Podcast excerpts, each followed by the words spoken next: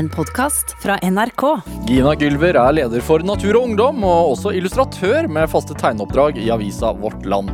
Gylver var bare tolv år da hun deltok på sitt første møte i Natur og Ungdom, og har vært aktiv i miljøorganisasjonen siden.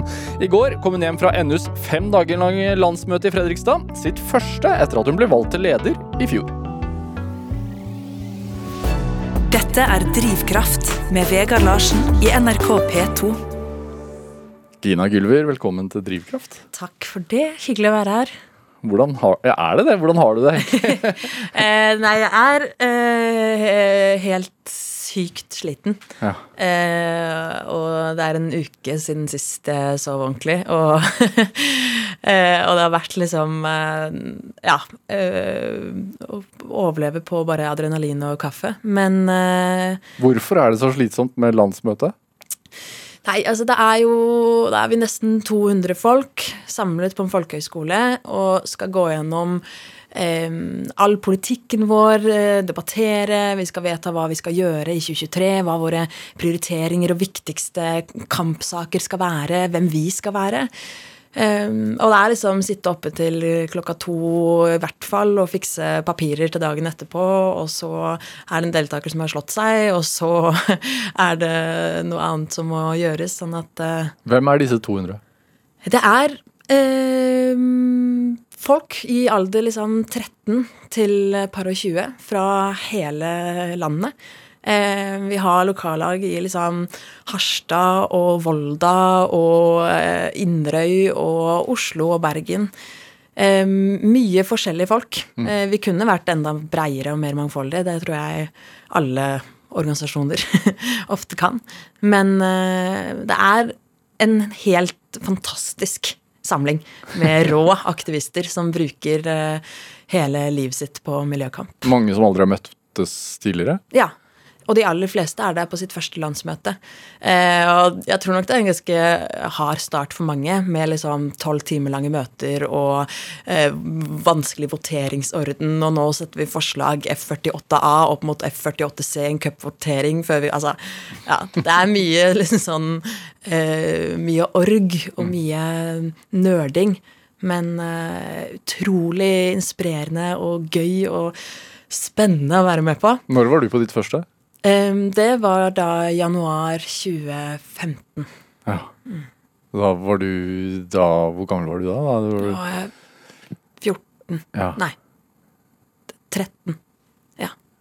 Og da var du allerede blitt leder for uh, uh, Natur og Ungdom avdeling Oslo øst, var det? Var, Ja, stemmer. Um, det var uh, Det var en litt hard start i, uh, i NU. Det var gøy, det var fantastisk uh, da jeg begynte, men det tok jo var, ja, gikk et par måneder før jeg ble lokallagsleder. Um, og da visste jeg jo knapt hva liksom, et lokallag var. Hadde aldri vært på en aksjon, hadde aldri ledet et møte før. Um, og ble hevet, hevet rett inn i det. Hvilke forventninger har man første gang man reiser på noe sånt? Jeg trodde jo at jeg skulle på liksom et møte med, ja, hvor vi satt på noen stoler, og det var en eller annen voksen person med en powerpoint som fortalte oss om miljøproblemene. Eh, og så fulgte mamma meg til mitt første møte i en sliten bakgård i Torgata i Oslo sentrum. Opp en vindeltrapp mellom liksom en kebabsjappe på ene siden og en brun pub på den andre.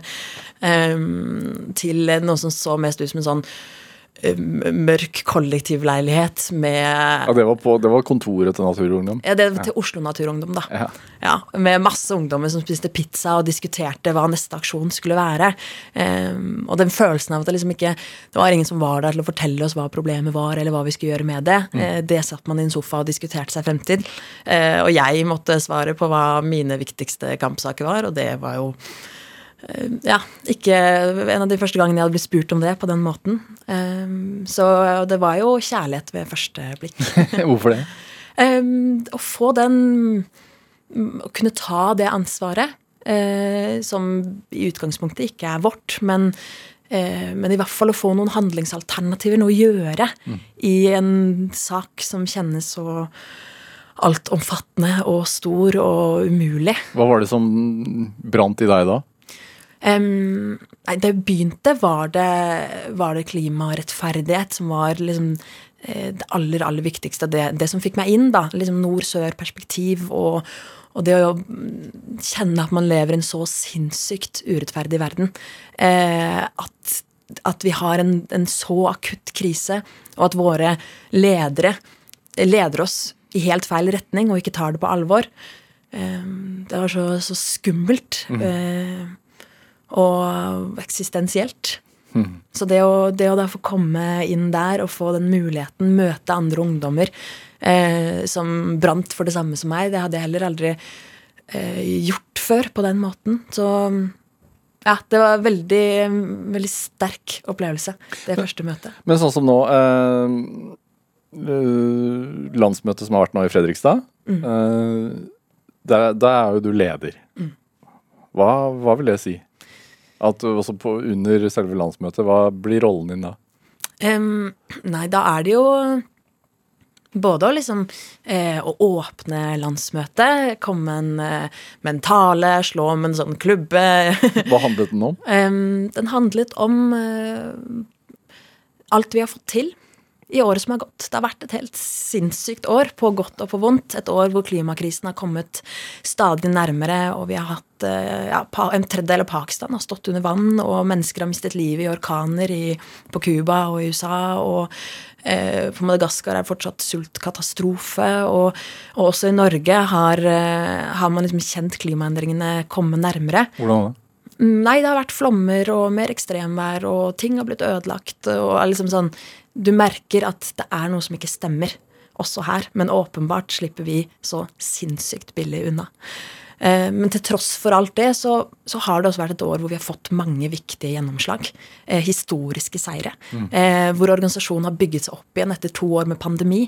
Eh, hvor, hvor, det har poppet opp lokallag på de rareste steder.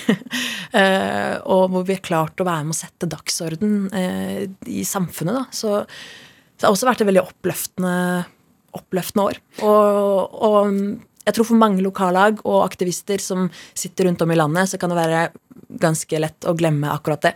Og da er det så viktig at vi feirer når vi er samla på et sted. Er det? Hvordan feirer dere det?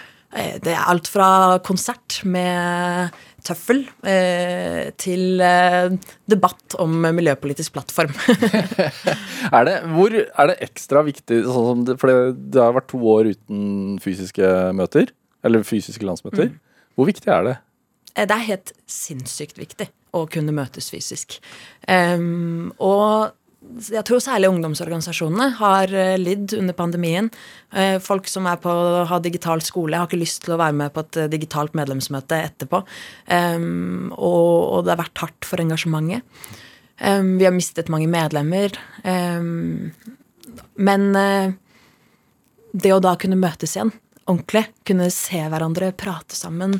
Eh, sitte i den salen og høre liksom lyden av eh, 150 stemmeskilt som rekkes i været. Eh, det Ja, det er en utrolig flott opplevelse. Hva engasjerer 13-åringene?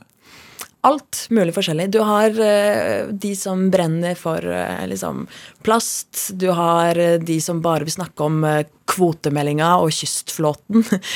du har de som brenner for en bærekraftig oppdrettsnæring, for et oljefritt Arktis, for bedre kollektivtransport der de bor.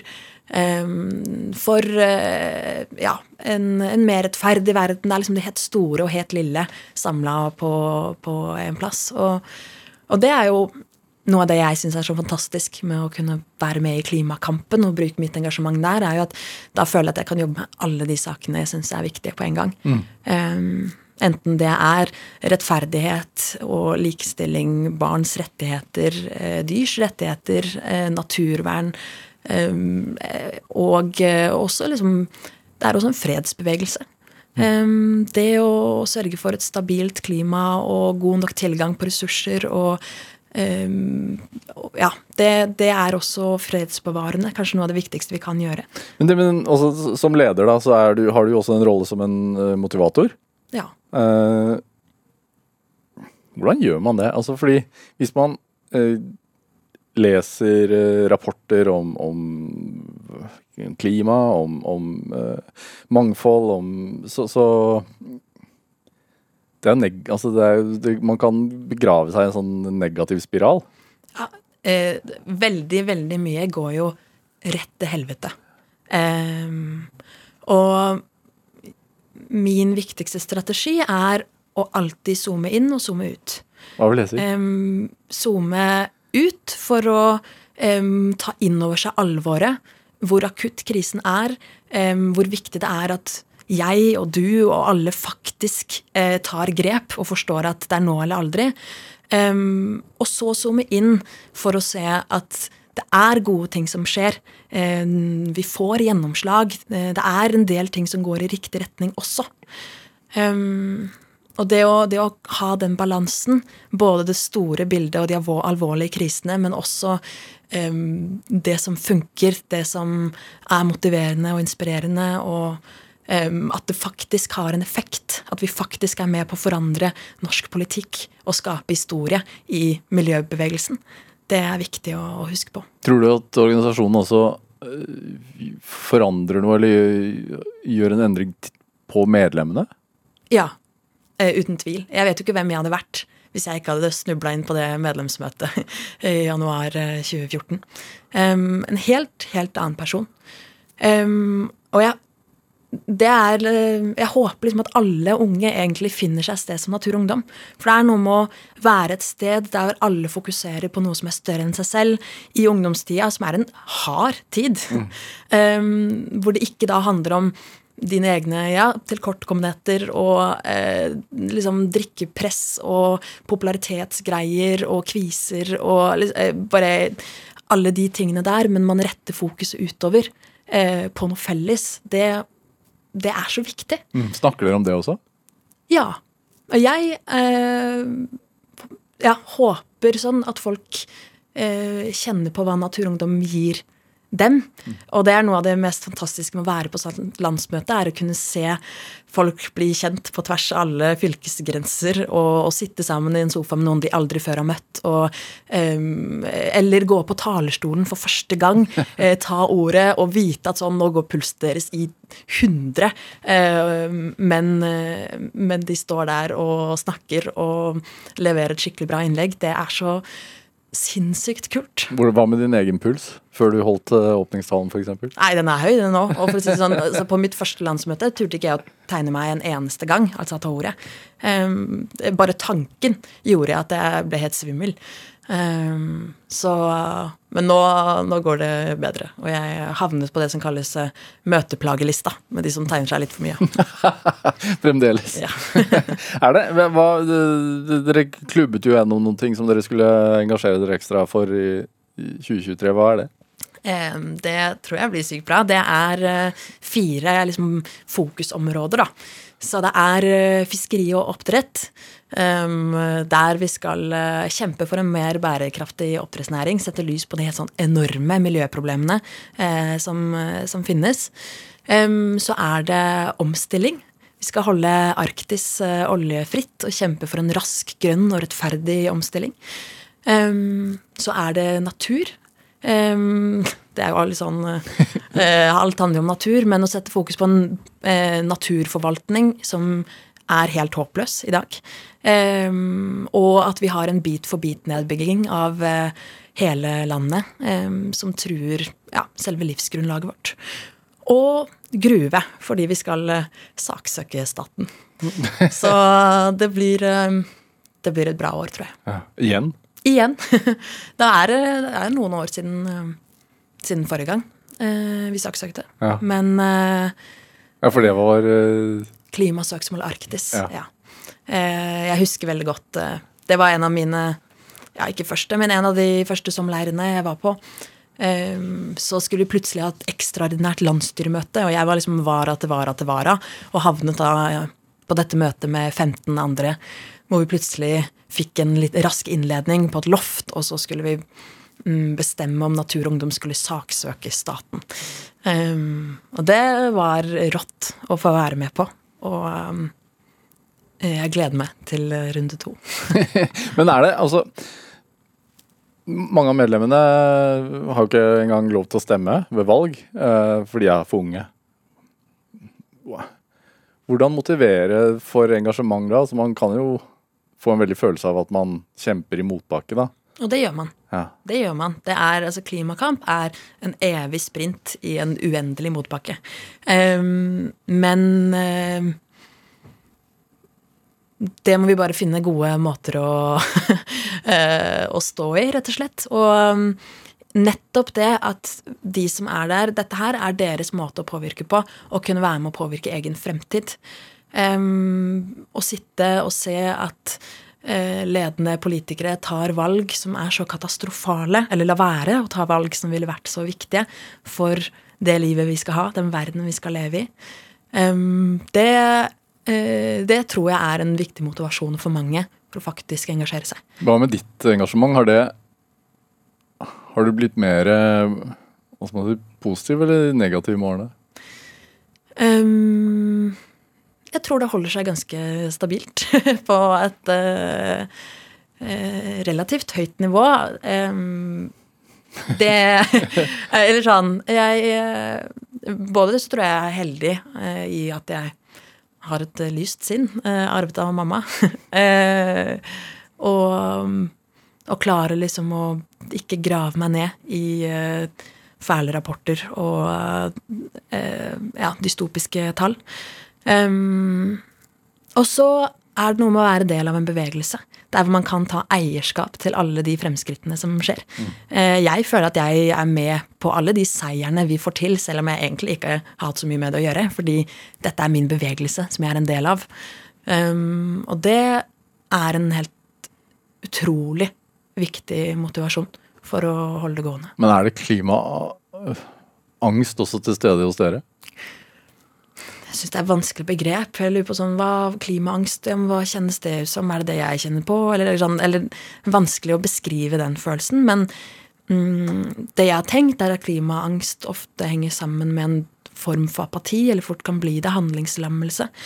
Og det kjenner jeg jo ikke igjen. Eh, I NU er det det er nok mest liksom, klima eh, kan være sorg, sinne, frustrasjon. Eh, men at det kanskje er mer aktive følelser som eh, får det til å ta til gatene. Eh, og det tror jeg også er mer konstruktivt. Ja. Men eh, det er nok mange medlemmer som, som sitter og kjenner på, på den klimaangsten også. Men eh, Hjelper det å demonstrere?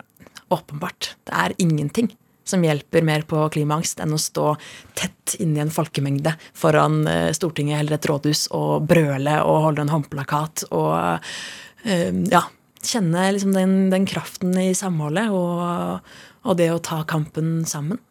Mm. Dette er Drivkraft med Vegard Larsen i NRK P2. I dag er eh, leder for Natur og Ungdom, Gina Gylver, her hos meg i, i Drivkraft med NRK P2. Det ble jo leder for uh, Natur og Ungdom uh, avdeling Oslo øst, men du er egentlig fra Sankthanshaugen? Ja. Det er det midt i byen? Ja.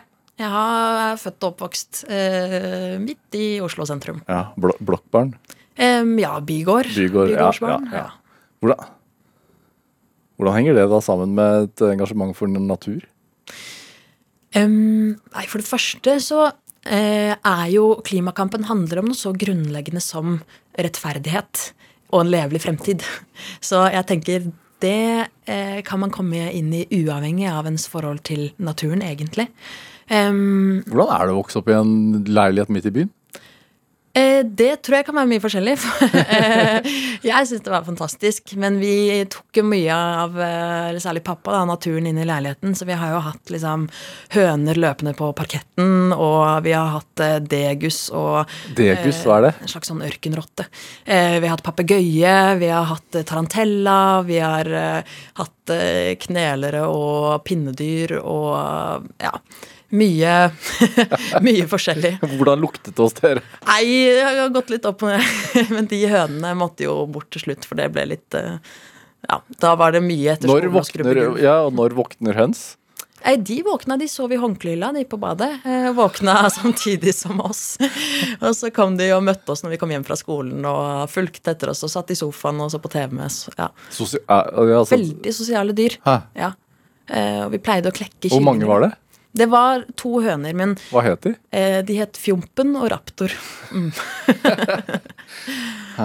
Altså, men det, da tenker jeg, ja ok, da får man naturvern inn med morsmelka, holdt jeg på å si, eller, eller Ja, ja, kanskje det var jo liksom den interessen for naturen, da, fascinasjonen for også det lille og hverdagslige som en kylling som klekker, eh, som er eh, helt fantastisk å se på.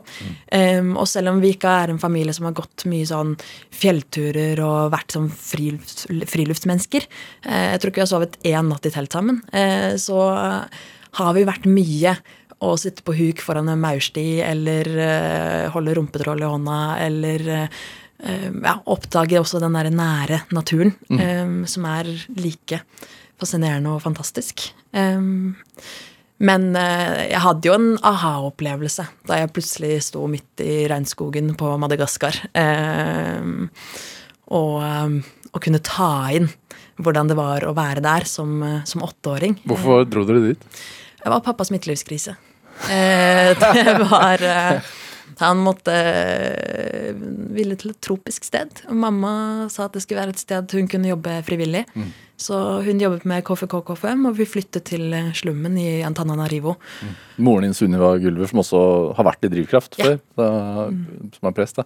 Men husker du det? Altså, var det en sånn altså, Du husker selvfølgelig at du har vært der, men husker du Var det en diskusjon før dere dro? Altså, Ja, jeg husker veldig godt eh, da de skulle fortelle oss det. Og pappa var sånn Vi har dere er tre? Ja, eh, meg og to brødre. Ja. Så pappa sa at eh, han hadde en overraskelse. Og jeg husker lillebroren min ropte 'Det er fredag!' Da var det mandag.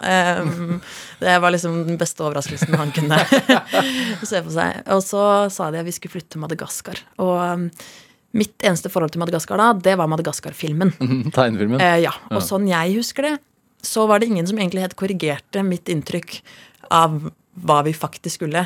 Eh, jeg så for meg at vi skulle bo i en bungalow i et tre. Eh, og så våkner jeg, jeg hadde sovnet på vei eh, i taxien på vei til huset. Det var en, en sykt lang tur. Våkner i liksom masse, masse, masse masse lyder. Og eh, går ut til vinduet og ser utover. Det er liksom et hav av slum og bølgeblikktak og geiter og eh, Ja. Det var eh, Hvorfor bodde dere sånn? sjokk. Um, jeg er veldig, veldig glad for at vi gjorde det. Jeg tror jo det var viktig for mamma og pappa at vi ikke bodde innenfor høye murer i liksom eh, et diplomatstrøk, men faktisk så hvordan det var, hvordan verden er for så sinnssykt mange mennesker. Um, at når vi skulle bo på Madagaskar, da skulle vi gå på lokal skole um, nede i gata, hvor eh, det var 200 barn. 50 av dem satt presset sammen på smale benker i små klasserom. Eh, doene var eh, syv hull i gulvet. Eh, og liksom en gårdsplass som, som skolegård, som var altfor liten.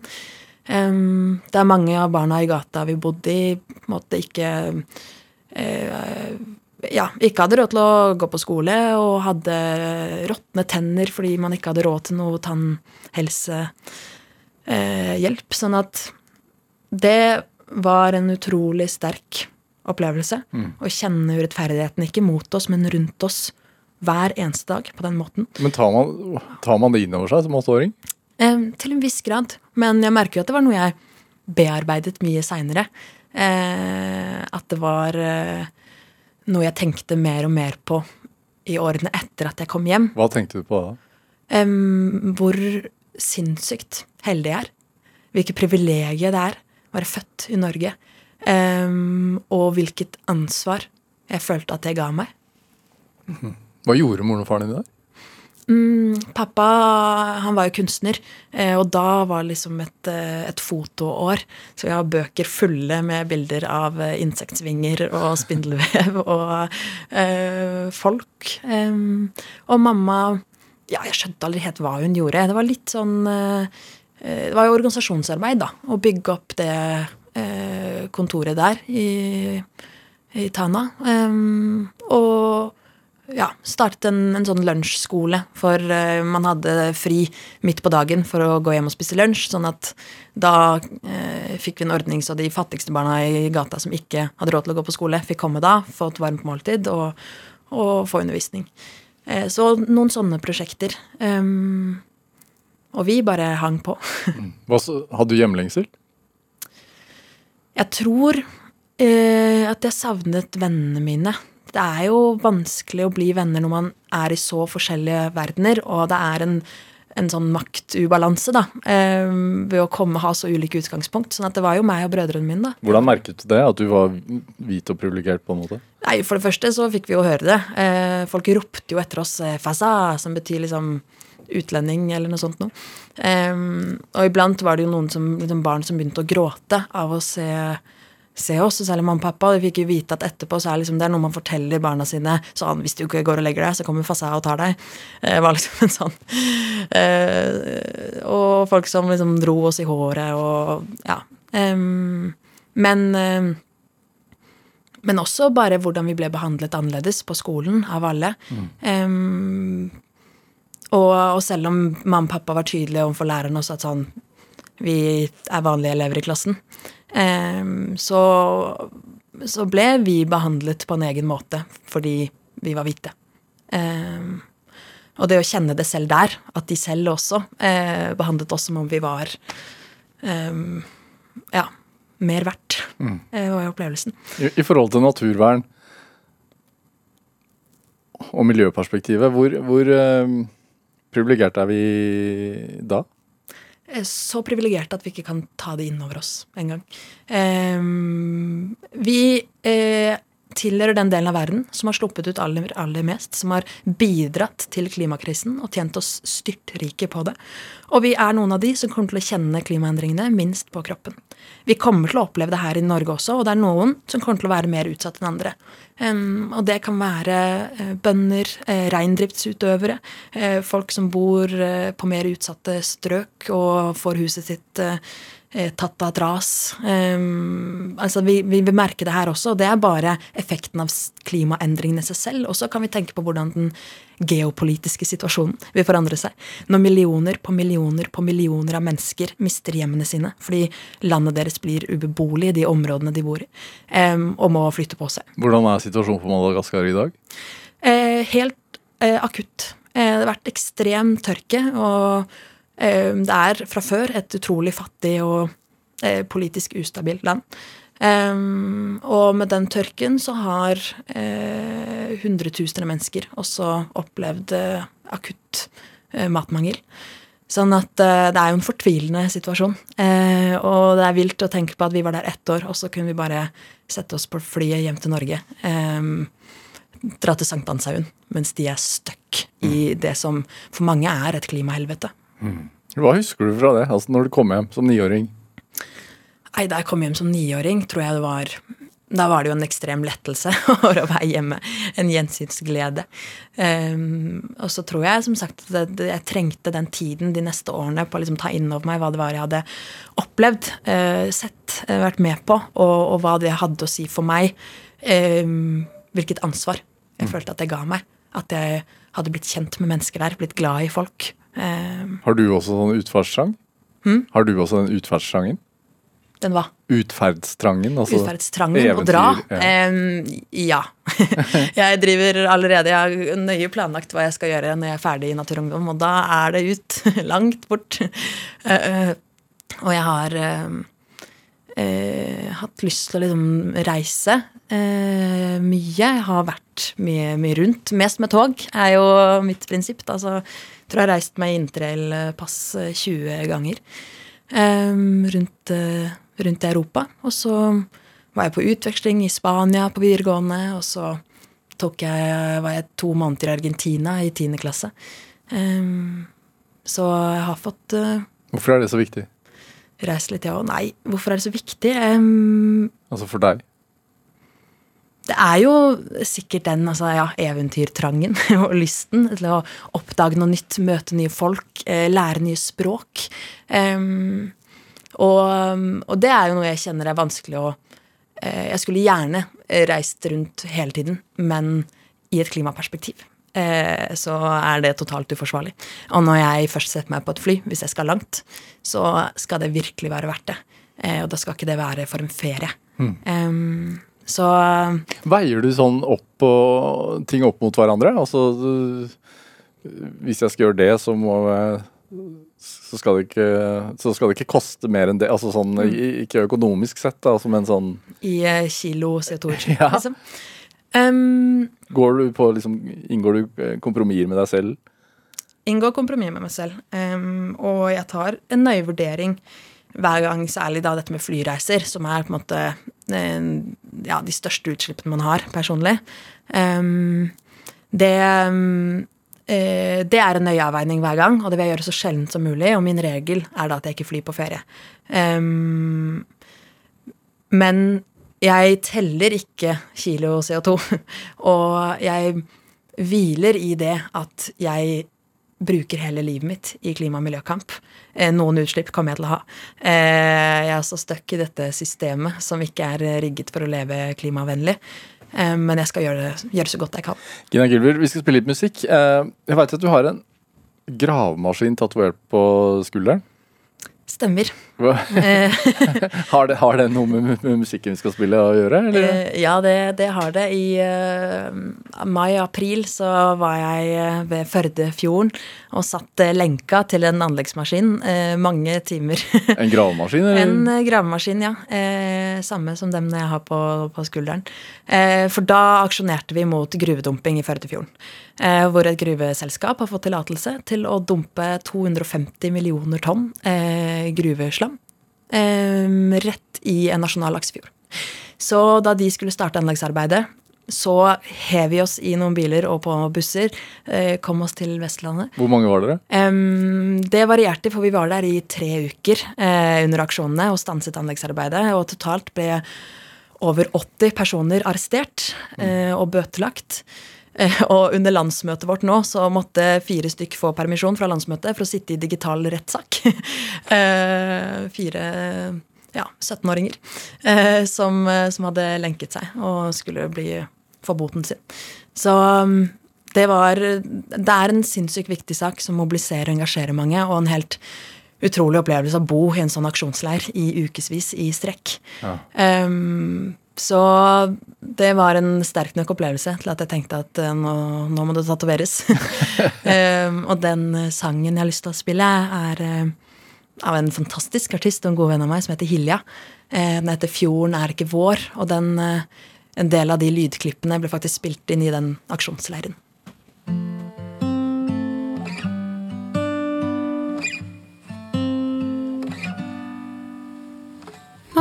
Mamma har fortalt at folk har kjempa denne kampen fra lenge før jeg ble født.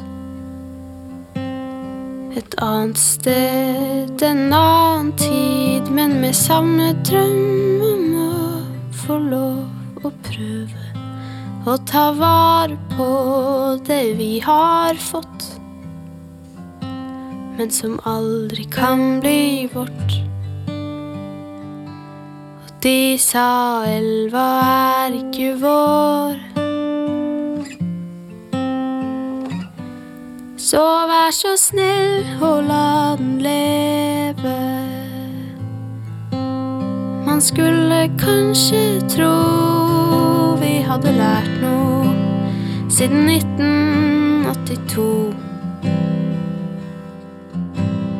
Bare se på alt vi vet, og alt som skjer, for verden er et annet sted enn den var da. Og vi har ikke fått noe mer å ta. Fjorden er ikke vår.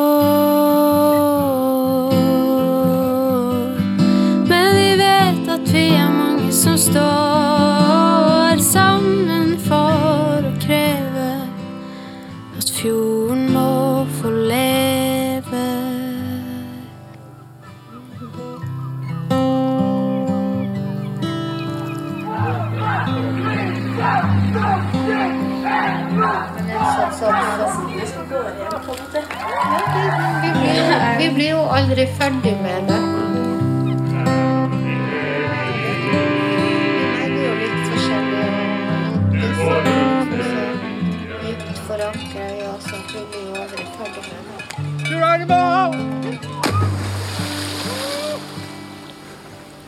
Fjorden er ikke vår.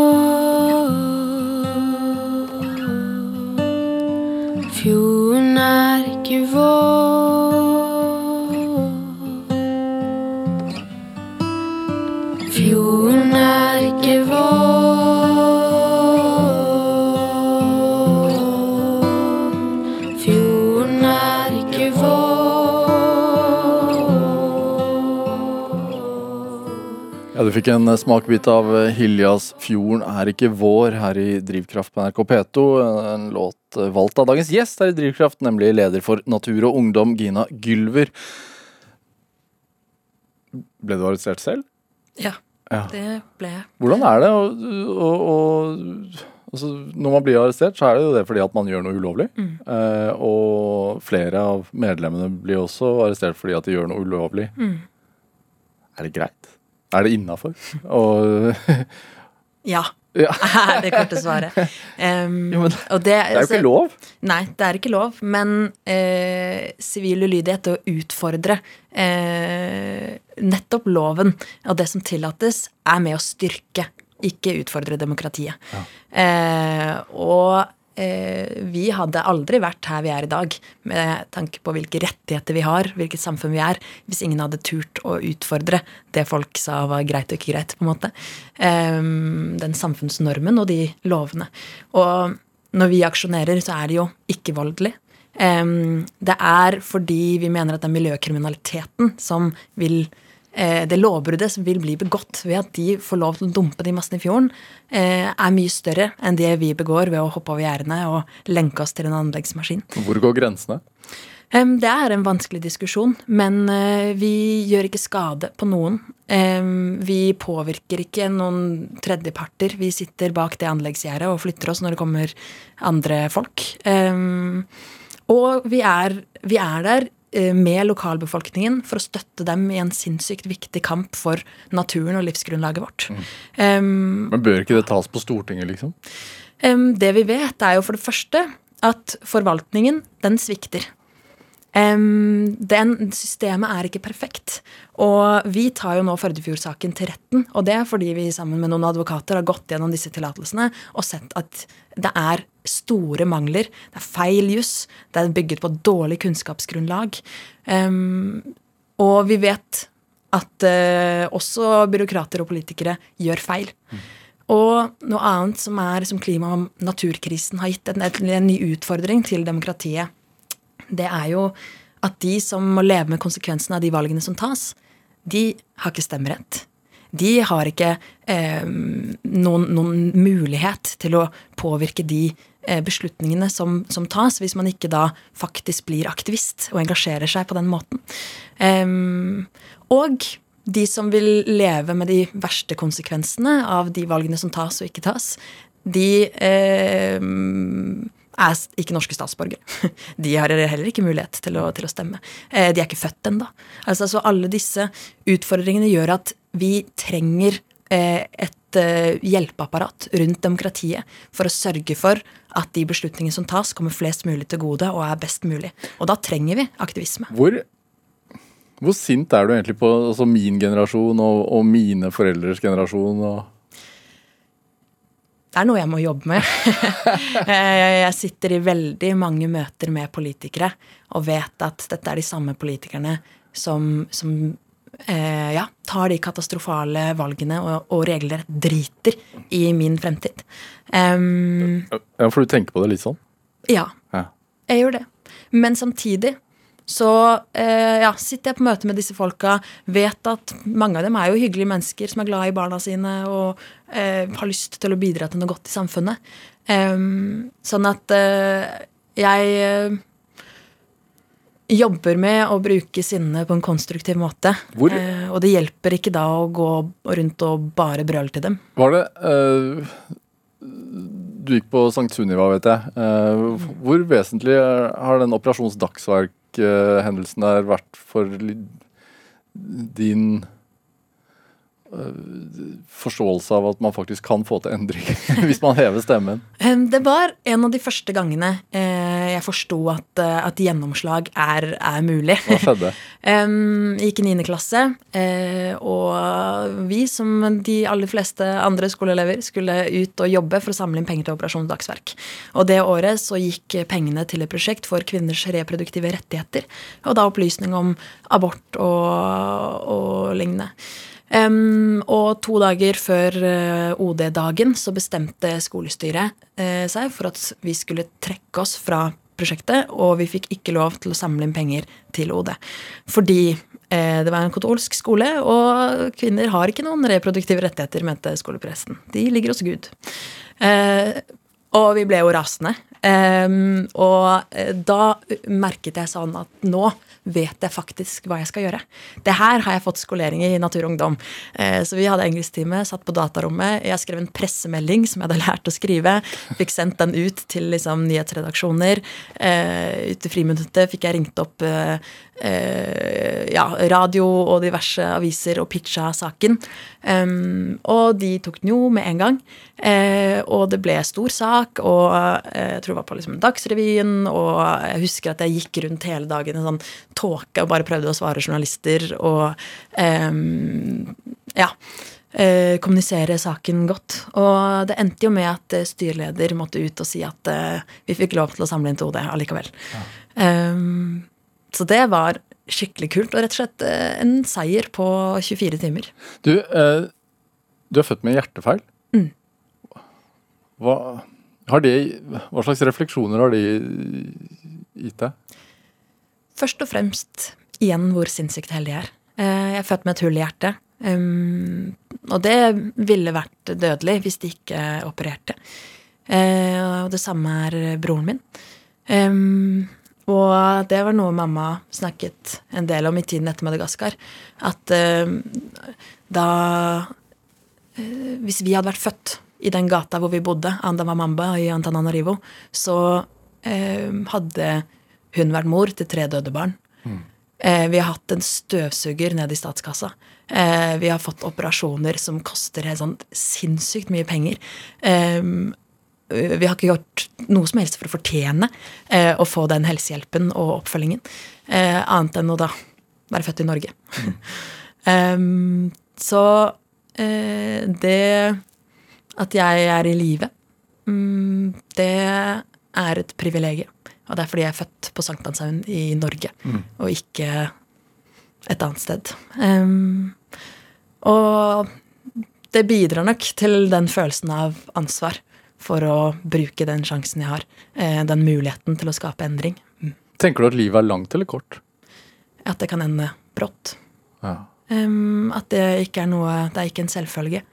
Um, så jeg tenker eh, Og det har jeg gjort mer de siste årene også. Tenkt mye på at det skal ikke mer til enn en bil som kjører ut av veien, eller sykdom eller annet før det er over. Og da skal man bruke det så godt man kan. Du, du mistet jo faren din. Eh, jeg vet at Moren din har jo vært her. Da pratet vi om at hun ble påkjørt av en bil og, og ble hardt skada for det.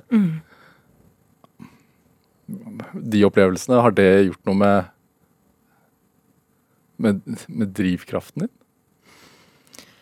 Det har i hvert fall um, minnet meg på hvor viktig Eller det har gitt engasjementet mitt og, og, og organisasjonslivet en helt annen betydning i livet mitt. Um, Hvordan da? det har vært mitt viktigste tilfluktssted. Um, etter eh, da mamma ble kjørt over av bilen, eh, så var hun altså Først visste vi ikke om hun skulle overleve, og så visste vi ikke om hun kom til å bli hardt hjerneskadet, eh, sitte i rullestol, eh, og hvor mye det kom til å forandre henne og livene våre i ettertid. Og det var slutten av tiende klasse, og jeg sto midt i eksamenstid og hadde nettopp blitt valgt som fylkesleder i Oslo Natur og Ungdom. Um, det var noen helt sånn sinnssyke måneder. Men når det da var skikkelig hardt å være hjemme, og alle var i sorg og sjokk og eh, pappa lukket seg inne, og brødrene mine lukket seg inne, så var det å kunne komme til Naturungdom og gjøre noe helt annet eh, uvurderlig, rett og slett. Eh, og å kjenne på at eh, også da er vi heldige. For også da hadde vi et stort nettverk rundt oss som eh, kom med mat på døra og støvsugde, og mamma lå på Ullevål og fikk den beste hjelpen og videre på Sunnaas og kunne rehabiliteres med ja, eh, enorme budsjetter. Um, sånn at Ja. Også i de situasjonene har, har jeg vært veldig, veldig heldig. Mm. Um, og så, da pappa ble sjuk, så var jo også det å kunne være i Natur og Ungdom, kunne fokusere på noe annet enn våre problemer eh, og vår sorg. Eh, kunne skrike litt foran Stortinget iblant. Eh, kunne dra til Repparfjord i Finnmark og bo i telt i protestleir. Eh, ja, ha noen andre kamper og fokusere på noe annet. Det, det var veldig, veldig viktig. Helt avgjørende. Um, for at jeg skulle ja, ikke bli gal, føltes det som. Mm. Um, og så har det jo vært eh, hardt også. Man blir jo sliten av å sørge. Det er hardt arbeid. Eh, og så er det slitsomt å være aktivist. så um, det er en, en vanskelig balanse også. Men eh, jeg vet ikke hva jeg skulle gjort uten. Har du noen sparingspartnere som leder? Er det noe som tar vare på deg? Ja. Um, jeg har jo eh, ingen med liksom personalansvar for meg. Jeg har personalansvar for 14 stykk, og føler et ansvar for eh, andre 6000 igjen. um, men eh, Det er et stort ansvar å bære, da? Ja. Det eh, Jeg husker jeg fikk litt sånn eh, bakoversveis av det for et år siden da jeg ble valgt til leder og satte meg ned i en baktrapp på kontoret og øh, bare måtte gni meg litt i ansiktet og innse hva jeg nå skulle begi meg ut på. Um, men det er et, et varmt miljø uh, med gode folk hvor man passer på hverandre og sjekker inn med hverandre. og jeg har hatt fantastiske nestledere. Nå har de valgt to nye også, som er helt supre mennesker. Så det skorter ikke på gode folk. Er det Du, du sysler jo med kunst ved siden av. Mm. Uh, så du, du, har på en måte arvet litt fra begge foreldrene dine? Føler jeg sånn engasjementet å stå på talerstolen fra din mor og kunstnersiden av fra din far, kanskje? Ja, det er jo alltid Pappa og jeg sparret sparet mer enn kunst, og han var jo ja, både kunstner og håndverker. Var jo utdannet liksom gipsmaker. Eh, og jeg har drevet mest med grafikk. Mm. Um, og det er jo også liksom den håndverksbiten av kunsten som jeg syns er så fantastisk. Det å stå med en stor presse og smøre trykksverte på en metallplate man har risset inn i, og um, fukte papir og liksom eh, Det er en hel sånn prosess som jeg syns er fantastisk, og det nerdet vi jo veldig mye over, over sammen. Um, Lærte av det selv? Ja. ja. Eh, har ikke noe kunstutdanning, selv om jeg drømmer om å få det på et, på et tidspunkt. Hva lager du, da? Det er jo eh, mest eh, Og det jeg vil lage, er jo klimakunst. um, og det var veldig gøy eh, høsten før jeg ble leder, så rakk jeg å ha utstilling på Klimahuset. Um, og det var eh, Eh, sykt kult å få stille ut 16 eh, bilder der. Eh, og få vist det, vist det, frem. Og jeg håper jo også Hva er for eksempel et Ja, jeg håper å kunne engasjere med kunsten. Altså, det er mye en blanding av liksom eh, politisk satire eh, og Eller det er vel kanskje mest, mest det det er. Eh, prøve også å harselere litt med det som er vanskelig, og de politikerne som kjører oss ut mot stupet.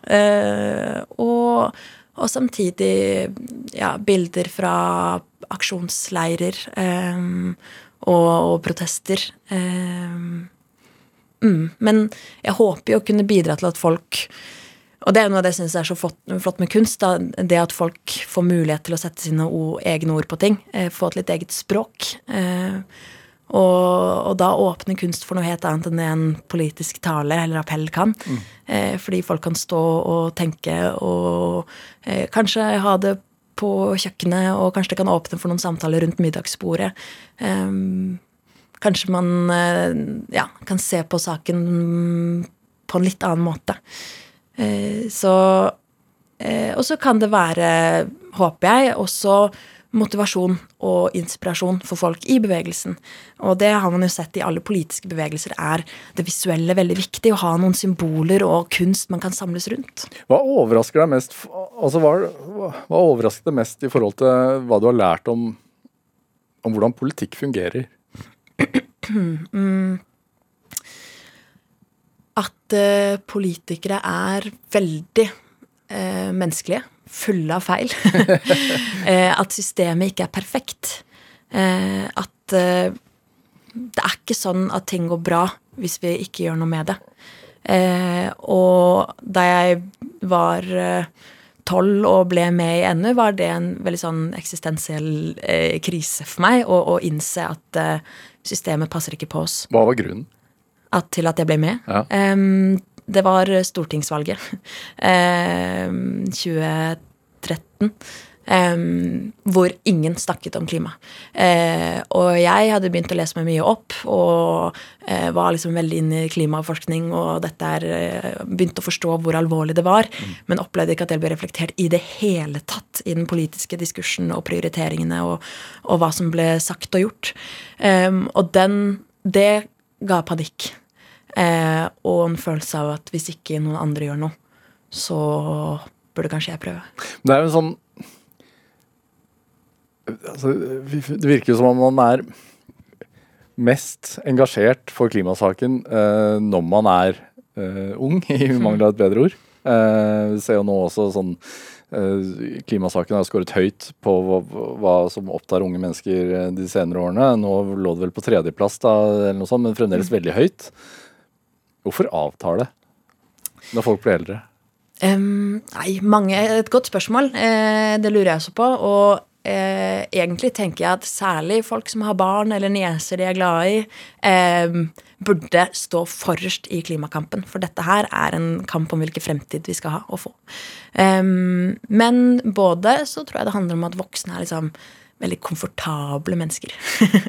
eh, mange. At man, man, lever, i hvert fall i Norge, eh, generelt godt og har en rutine om hverdag. Og klimakrisen kan eh, tvinge deg til å se deg i speilet og få deg til å innse at du faktisk må leve et annet liv enn det du gjør. Og det tror jeg er ganske ubehagelig for mange. Mm. Um, og så eh, ja, kanskje man, eh, så blir man jo mindre idealistiske, mindre prinsippfaste, er gode på å finne på unnskyldninger for hvorfor man må ta fly, fly på ferie og må kjøre bil overalt og må ha et skyhøyt forbruk og ikke har tid til å dra på den demonstrasjonen og altså um, Ja. Og så finnes det veldig mange fantastiske eh, voksne klimaaktivister. Eh, og det er viktig for meg som ja, de er forbilder og en kunnskapsbank og, og, og gode folk å strekke seg etter.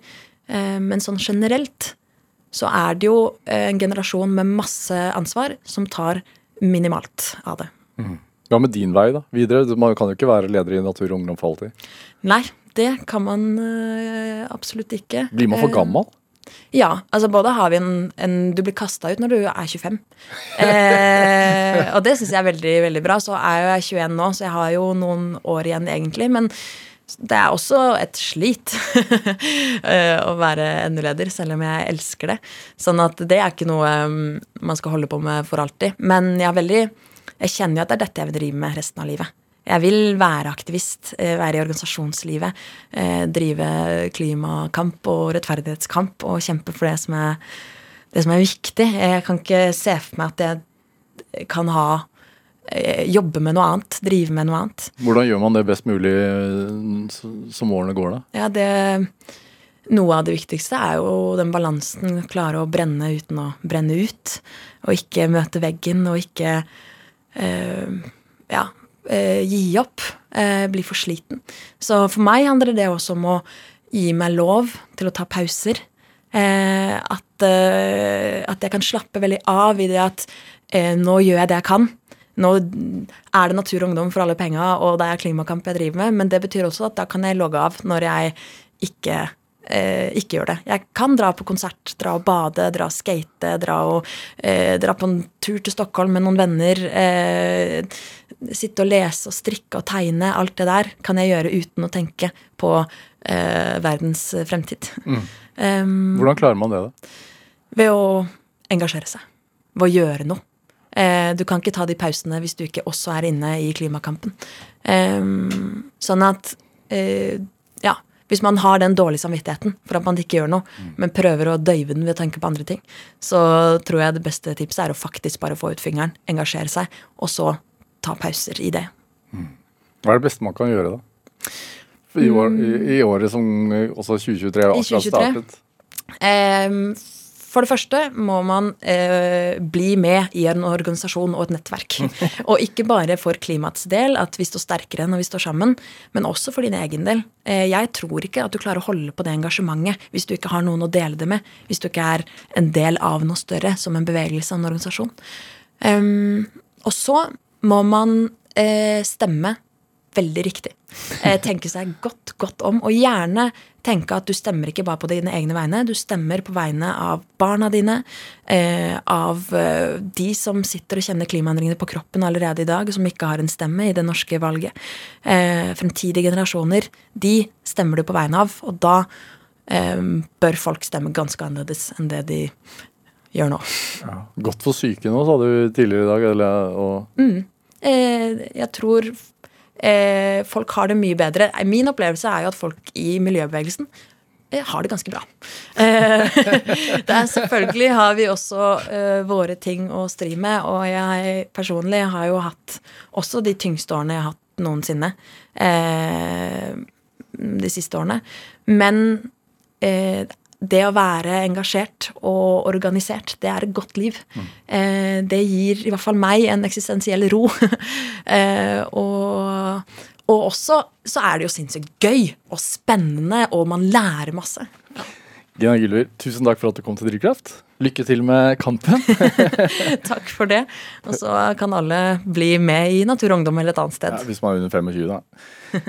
Hør flere samtaler i Drivkraft på nrk.no eller i appen NRK Radio. Produsent og researcher i dag, det var Camilla Bolling-Muir. Dette var Drivkraft. Jeg heter Vegard Larsen. Vi høres.